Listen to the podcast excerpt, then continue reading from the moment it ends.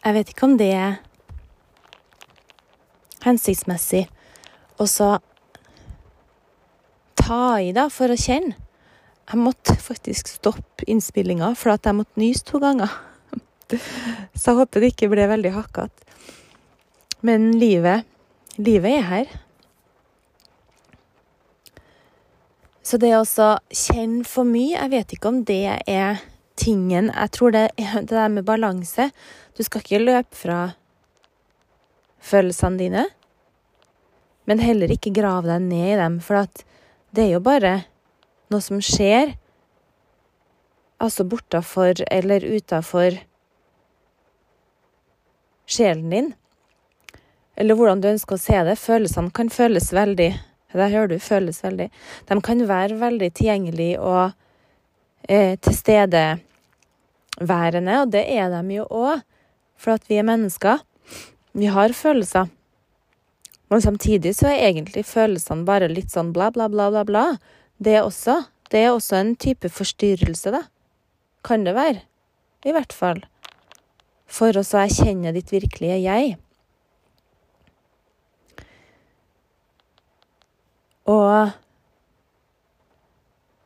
Så det å så prøve å bare legge merke til følelsene i stedet, som et stille vitne, eller en observatør Du er den som ser, og lytter og kjenner. Du er drishta. Drishta, eller drishti, er der man holder blikket i yogaposisjoner, eksempel på nese, navle, tær, langfinger, hånd, fot. Så du er drishta, the seer, den som ser. Og du trenger egentlig ikke å være med verken følelser eller tanker. Du kan bare observere det. Som et skuespill, som et drama som utspiller seg. Og ved å praktisere det Eller vi er jo egentlig den som ser, men vi har på en måte fjerna oss litt fra det, for at vi blir opphengt i livets drama. Og det er også helt, det er også helt vanlig.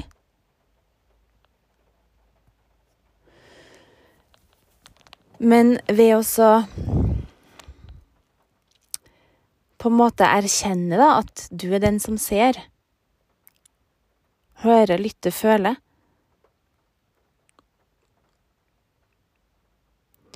Så vil du kanskje kun takle både tanker og følelser på en litt mer udramatisk måte, da. Litt mer den der at ja, det her er tanker og følelser som suser forbi nå. Ja, ja, det er nå et artig drama. Eller også i den visshet at det endrer seg hele tida. Så selv om du føler deg sånn som du gjør nå, akkurat nå, så er ikke det for evig. Følelser endrer seg. Fra time til time, dag til dag, minutt til minutt, sekund til sekund, til og med. Tanker og følelser er nært knytta. En tanke kan gi en følelse, en følelse kan gi en tanke. Men det er fortsatt bare en del av det som vi kaller prakriti. Materien eller naturen. Så det som ikke er sjelen, da, det som ikke er porosha Porosha og prakriti. To begrep som brukes mye i yoga, porosha er ditt innerste selve, sjelen. Altså den bevisstheten som er klok og vet alt, mens prakriti og alt det andre, det er en grei måte å det på. Så at tankene og hjernen din er også prakriti. Til og med den bevisstheten bodhi. Men bodhi er veldig finstemt, da, så det er det som kommer nærmest porosha. Så bodhi er den sånn skikkelig vise, superintelligente viten. Som også er bakenfor tankene og følelsene. Og den er såpass ren at det er på en måte Bodhi som erkjenner Porosha. Eller motsatt, kan du kanskje si òg. Ja. Så det er en del begreper, men samtidig så er det bare ord, da. Det som jeg sitter og sier her, det er bare ord. Så det er egentlig prakriti, det jeg sitter og sier, hvis du skjønner. Men så må vi prøve å forklare det, da. Men samtidig så er det uforklarlig. Det å prøve å forklare det uforklarlige, det er jo ikke lett. Så egentlig så kunne vi bare sagt at ja, OK, yoga er å bare være snill og gjøre snille ting. Være god og gjøre godt. OK, ferdig med det. Trenger ikke å skrive 100 000 bøker om det, men vi mennesker, vi elsker jo å komplisere ting, eller å Vi har jo lyst til å forstå, sant? Så derfor blir det skrevet veldig mye. Mens egentlig er det ganske enkelt, og jeg kan egentlig ikke forklare det, for at yoga er noe man må oppleve selv. Nå tenker jeg ikke på yogapraksisen der du står på en fot og sånn, men selvrealisering eller innsikt, da, opplysning eh, Det å være i ett med sjelen sin. Det må oppleves selv, og det oppleves på forskjellige måter. Kanskje noe er likt for noen, men alle har sin vei. Så det som jeg forklarer, trenger ikke å stemme med din opplevelse. Og det er på en måte først når man er i samadhi, da, eller altså det øverste målet, på en måte, i gåseøynene med yoga, den øverste erkjennelsen, der selve egentlig også bare oppløses til slutt og er i ett med hele universet. Det er på en måte den opplevelsen vi som prater om det her, prøver å forklare, men det går ikke an å forklare det, for at det må bare oppleves, da. Ja. Jeg sitter jo i bilen bare for å komme ned til noe litt mer konkret igjen. Jeg sitter i bilen, og det regner utafor. Så i denne episoden så er bilen mitt podkaststudio. Jeg har hatt flere gode meditasjoner i bilen. Pusteøvelser, tilstedeværelse. Og hvem skulle tro det? Jeg som egentlig har kjøreangst. Jeg som i 17 år ikke turte å kjøre bil og hadde mareritt om bilkjøring. Nå har bilen blitt en hyggelig plass. Den har blitt et studio. Så at bare så Det er sagt, alt kan skje av det man bestemmer seg for å ta tak i. Det har man mulighet til å gjøre noe med, og særlig hvis du har noen frykter. Oh, det er ingenting som er så spennende som å ta tak i en frykt. Og så kanskje snu det, alkymisere det, alkymise it, til noe som du kanskje etter hvert elsker å gjøre, da. Jeg har blitt veldig glad i å kjøre bil nå, men jeg liker fortsatt ikke å ha andre voksne på som ikke er kjæresten min. For da er jeg redd for at de skal Eller jeg er ikke redd for at de skal dømme meg egentlig, men jeg, da Nei. Det Nei, det liker jeg ikke. Fortsatt. Og det er helt OK, men allikevel så har jeg funnet en type fred da, med å kjøre bil, og en glede i det. Så hvis det er noe du kjenner at du har lyst til å ta tak i, se på det her som ditt tegn til å ta tak i det, ordne opp i det. Da er det så mye lettere å meditere òg etterpå, hvis du ordner opp i sånne hverdagslige ting som hindrer deg, da. Møt fryktene, og den mestringsfølelsen man da kan kjenne, den er veldig, veldig god, altså. Det anbefales.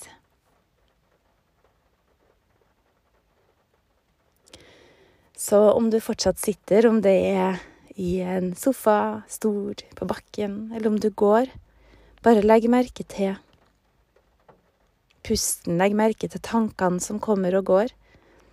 Du trenger ikke å bli med tankene på en reise, bare La tankene få være sitt eget drama. Følelsene får være sitt eget drama, og legge bare merke til Hm, ah, nå har jeg en følelse. Hvor sitter den hen? Sitter den i magen, i hjertet, i hodet?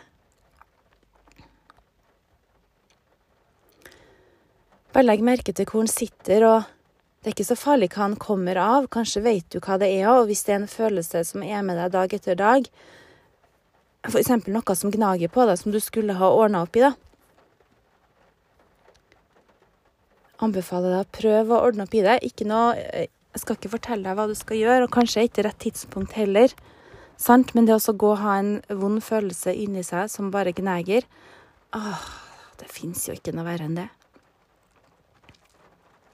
Så om du kanskje litt og litt, da, eksempel kan begynne å ordne opp i det, eller snakke med noen Snakk med deg sjøl. og hvis det går an å ordne opp i, hvis det er noe som du bare må akseptere, OK, så er Kanskje kan man bare sitte i den følelsen og kjenne på den smerten. Kjenn, kjenn, kjenn. Bli kjent med smerten uten å grave deg ned inn. Men bare kjenn på den og aksepter. Ja, du er her. Jeg kjenner deg. Og så vil det kanskje ikke bli så skummelt lenger, og så vil det slippe litt taket.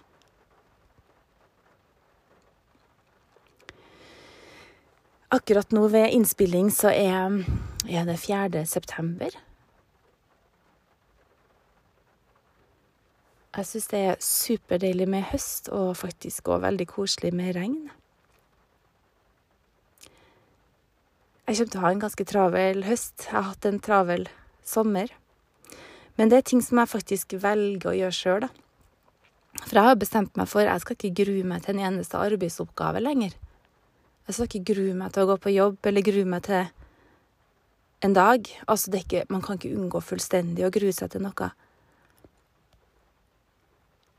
Og ting kan komme, ikke sant? Som du må få gjort, som man kvier seg litt for, da. Det er på en måte en del av livet, men det skal i hvert fall ikke være gruing på fast basis. For det syns jeg er bortkasta. Da tror jeg at man kan ja, prøve å endre på det. Enten så kanskje man må endre på sin opplevelse, eller sine tanker om den tingen, da. Eller at man kanskje må skifte ut eller en sakte avvikling av et eller annet.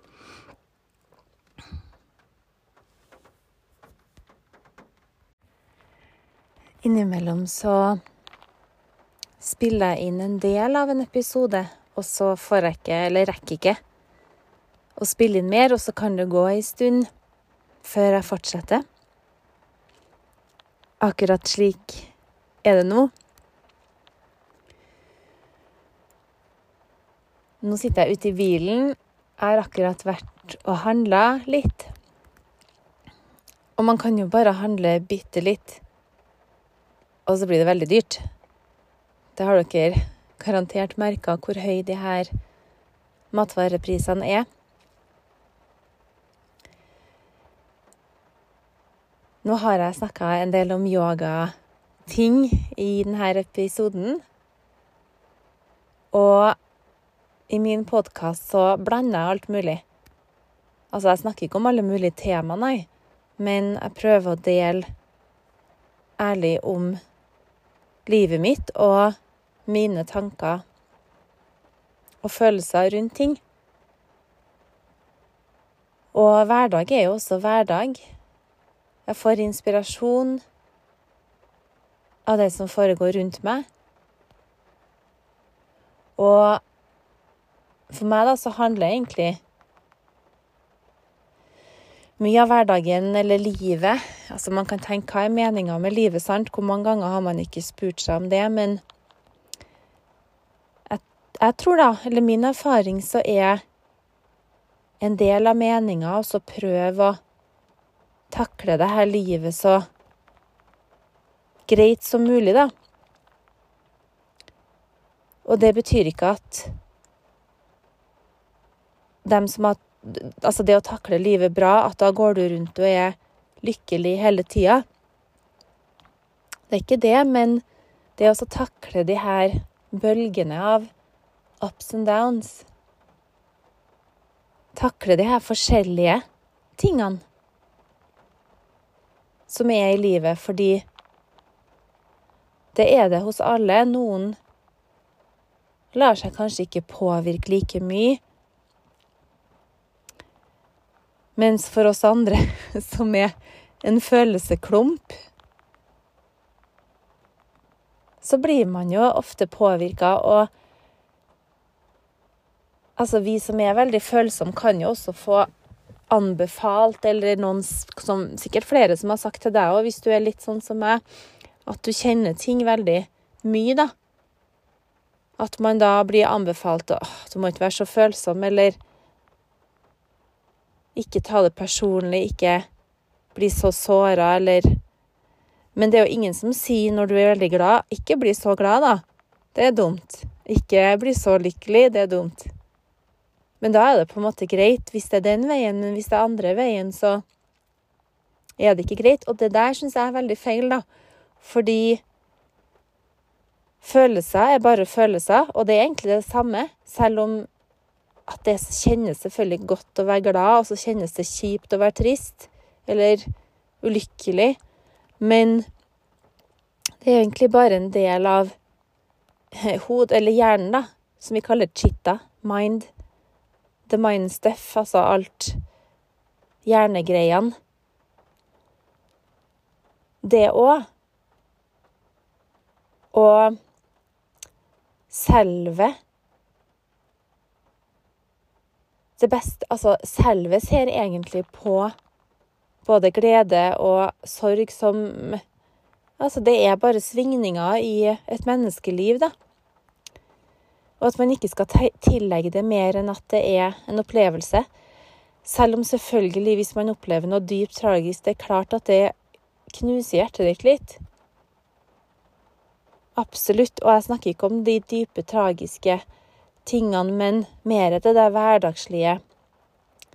Glede, sorg, skuffelse, eh, lykke. Altså de der svingningene. Og altså, hvis man klarer også se på det som en del av livet at ja, OK, i dag gikk det sånn, og i dag hadde jeg en sånn opplevelse, eller i dag følte jeg meg litt sånn lav på energi. Eh, eller stressa, eller forbanna. Sinne. Sinne er også en helt naturlig følelse å kjenne på. Og det faktisk jobber vi ganske mye med i yoga, for at visse posisjoner, visse asanas, kan gjøre at du blir skitforbanna. For de trigger noe. Det kan også være at det gjør litt vondt, sant? eller at man kjenner bare forbaska drittstilling. Og da Det er egentlig ganske fint, for at det fremprovoserer litt forskjellige følelser. Og det at man bare kan observere det, og bare Ja, OK, nå ble jeg faktisk Nå ble jeg faktisk eh, hjernen min sint. Eller kroppen min ble sint. Det her trigger en sint følelse i stillingen. Og så kan man observere i en annen posisjon uh, denne stillingen trigger glede eller frihetsfølelse eller varm, en varm, kjærlig følelse. Eller en myk, avslappa følelse. Så det å kun bare prøve altså å være Ja, eller vi er egentlig en observatør i vårt eget liv, tenker jeg da. Når man er etablert i det innerste selve. Og på sanskrit så er det drishta. Drishti. Det er altså se. Du er drishta den som ser. Og ja, visse ting kan sette seg fast, men det er også å kunne gi slipp. Samtidig, hvis man prøver å gi slipp, og det ikke går, så kan du prøve å observere det òg. Observere at du ikke får til å gi slipp. Og så vil ting slippe når det skal. Det å kunne stole på at det går sin gang. For det kan f.eks. være en dag hvor man har en, en spesifikk følelse, da. Ofte hvis man har en lykkefølelse, vil man jo ha den, sant. Da, da blir man attached og holder fast med en, tilknytta til følelsen og vil ikke slippe den. Og det er også en av hindringene i yoga, det å være attached.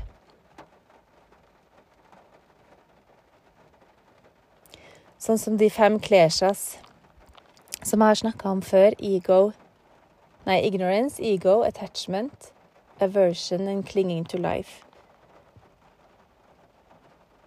Avidya, asmita, raga, dvesha, abinivesha på sanskrit.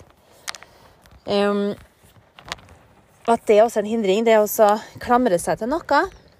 Men også det å ha en aversjon mot noe. En aversjon mot Altså dvesja, aversjon. Må, det å ikke vil ha en følelse av at man f.eks. Oh, er redd for å kjenne på smerte, redd for å kjenne på sinne, redd for å kjenne på sorg, så har du en aversjon. Og det skaper også en type frykt. Mens den kanskje viktigste av de her klesjas er jo ignorance, av avidya, fordi den er på en måte hovedgrunnen til alle de andre også. For hvis man kan se ting for det det virkelig er Hvis du har da vidya i stedet for avidya, at du ser ting for det det er, så vil de her andre fire klesjas også på en måte løses opp, da.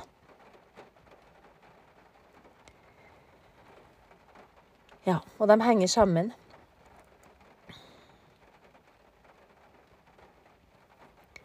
Men det en ting er jo også å vite det her, eller å tro på det her. Noe annet er det å leve det ut i livet og praktisere det i hverdagen, sant? Altså, vi kan jo vite så mye som bare det, men så er det søren meg ikke alltid vi klarer å praktisere det. Det er akkurat derfor vi kaller yoga en praksis. Vi praktiserer yoga. For at vi øver oss på det. Vi øver oss på å praktisere. Til og med i yoga så skal man øve seg på døden. Eh, ikke at man skal prøve å ta livet sitt, nei, absolutt ikke. Men det å lære seg mer om hva som skjer i dødsøyeblikket. At hvis du er livredd da, når du dør, så vil du sannsynligvis hvis du tror sånn som meg Man vet jo ikke. Kanskje er det svart, og så er det helt over etterpå. Men hvis sjelen lever videre, så fortsetter du. Er ganske forvirra og redd. Men så er du mer sånn rolig, da. Når du dør og bare ah, rolig, åpen, så går sjelen din ganske fort videre til dit den skal. Selvfølgelig så kan man jo tenke på dødsfall som skjer brått og sant, og da er det gjerne forvirring. Hva søren meg skjedde nå, liksom? Og for alle de historiene om altså, gjengangere, gjenferd og sånne ting. Hvis man tror at det er sant, det vet man jo heller ikke. Eh, som blir på en måte stedbundet, fordi de vet ikke at de er døde engang. Sant? Så det å faktisk forberede seg litt på de stegene som skal skje, skje da òg, eller at man kanskje leser seg opp på det, det er jo Ja, jeg kan, kanskje kan snakke litt mer om det i en annen episode hvis dere er interessert. I hvert fall så er det der 'clinging to life', av Biniversha. Det er også en stor hindring. Det å Ja, man skal selvfølgelig passe på seg sjøl, og det er en grunn til at vi har smerte og frykt. Fordi hvis man hadde tatt en sag og bare skåret av seg beinet Du skal ha frykt for det. Vi, altså, man skal jo ikke kaste seg i døden, men um, den der dødsfrykta, da, at det nå kan være et hinder for kanskje både lykke og frelse, eller hva man skal si samadhi. Men selvfølgelig, man skal ta vare på seg sjøl. Selv. Selvfølgelig. Og passe. Passe på seg selv. Gjøre fornuftige valg så godt som mulig. Sant? Ja, så nå tror jeg egentlig at jeg har snakka ut denne eh, episoden. Sånn hverdagsgreie. Jeg har vært superforkjøla i over ei uke og skikkelig tett. Og da har det faktisk bare vært fysiske behov som har tatt over. Altså rett og slett å bare komme meg gjennom dagene. Eh, få i meg mat, få i meg drikke. Litt smertestillende og sånne ting. Og jeg tror man har veldig godt av det innimellom, at den fysiske kroppen bare tar over. Og at da får på en måte sjelen hvile seg litt òg. Så det å ta vare på den fysiske kroppen er jo superviktig, for den kan være et stort hinder for det å erkjenne seg selv. Men den er også til veldig stor hjelp, så via kroppen så kan vi erfare oss selv, da. Men hvis kroppen er syk og dårlig, altså sånn som min Ja, jeg har jo kroniske sykdommer, sant. Jeg har både tinnitus og astma og fibromyalgi. Det er i hvert fall de tre tingene jeg vet om. Så ja, jeg vet at det er et hinder, men samtidig så handler det om å prøve å være så Ta så godt vare som mulig på helsa. Og siden jeg har de her tingene, så gjør jeg nok ganske mye mer helsetiltak enn den vanlige personen gjør òg. Enn en gjengs person gjør. Så sånn gjennomsnittlig så tror jeg at jeg gjør mye mer for helsa mi enn det mange gjør, da. Selv om jeg vet mange som er superflinke og gjør mer enn meg òg. Absolutt. Ikke det det går på. Men jeg vet ikke om jeg ville ha bytta bort det. Det å ha en kronisk sykdom har gjort meg mer fintfølende overfor andre òg. Og det gjør at jeg må porsjonere energien min. Spare på at jeg må hvile når jeg kan. Jeg må faktisk det. Og det er også i forhold til yoga, så anbefales det en yogi tar hvile i hvert øyeblikk hun eller han eller hen har mulighet. For du vet aldri hva som kommer, og du skal spare på energien din. Så at for meg så er jo yoga lært meg så mye til å velge hva jeg bruker energi på, hvile når jeg kan. Og da har jeg energi til å gjøre det viktigste i livet mitt, det å prioritere. Jeg har skrelt bort så mange ting fra livet som jeg gjorde før da jeg var yngre. Jeg var jo egentlig syk da òg, men da bare dura jeg på. Jeg var bare veldig trøtt, da. Sov, sov mye. det var nok min måte, men eh, å komme gjennom dagene på, da. Men jeg har velg, valgt bort veldig masse, sånn at det viktigste for meg At jeg har energi til det som er aller viktigst for meg. OK, med de ordene så hvis jeg skal si noe Hvis dere vil ha noen tanker opp helt på slutten, så er det det å bare skrelle unna av de tingene som ikke gjør deg lykkelig, og som du ikke trenger i livet ditt, og bruke energien på de La oss si to-tre tingene da, som er aller viktigst for deg. Mm. OK, stor klem fra meg. Vi høres.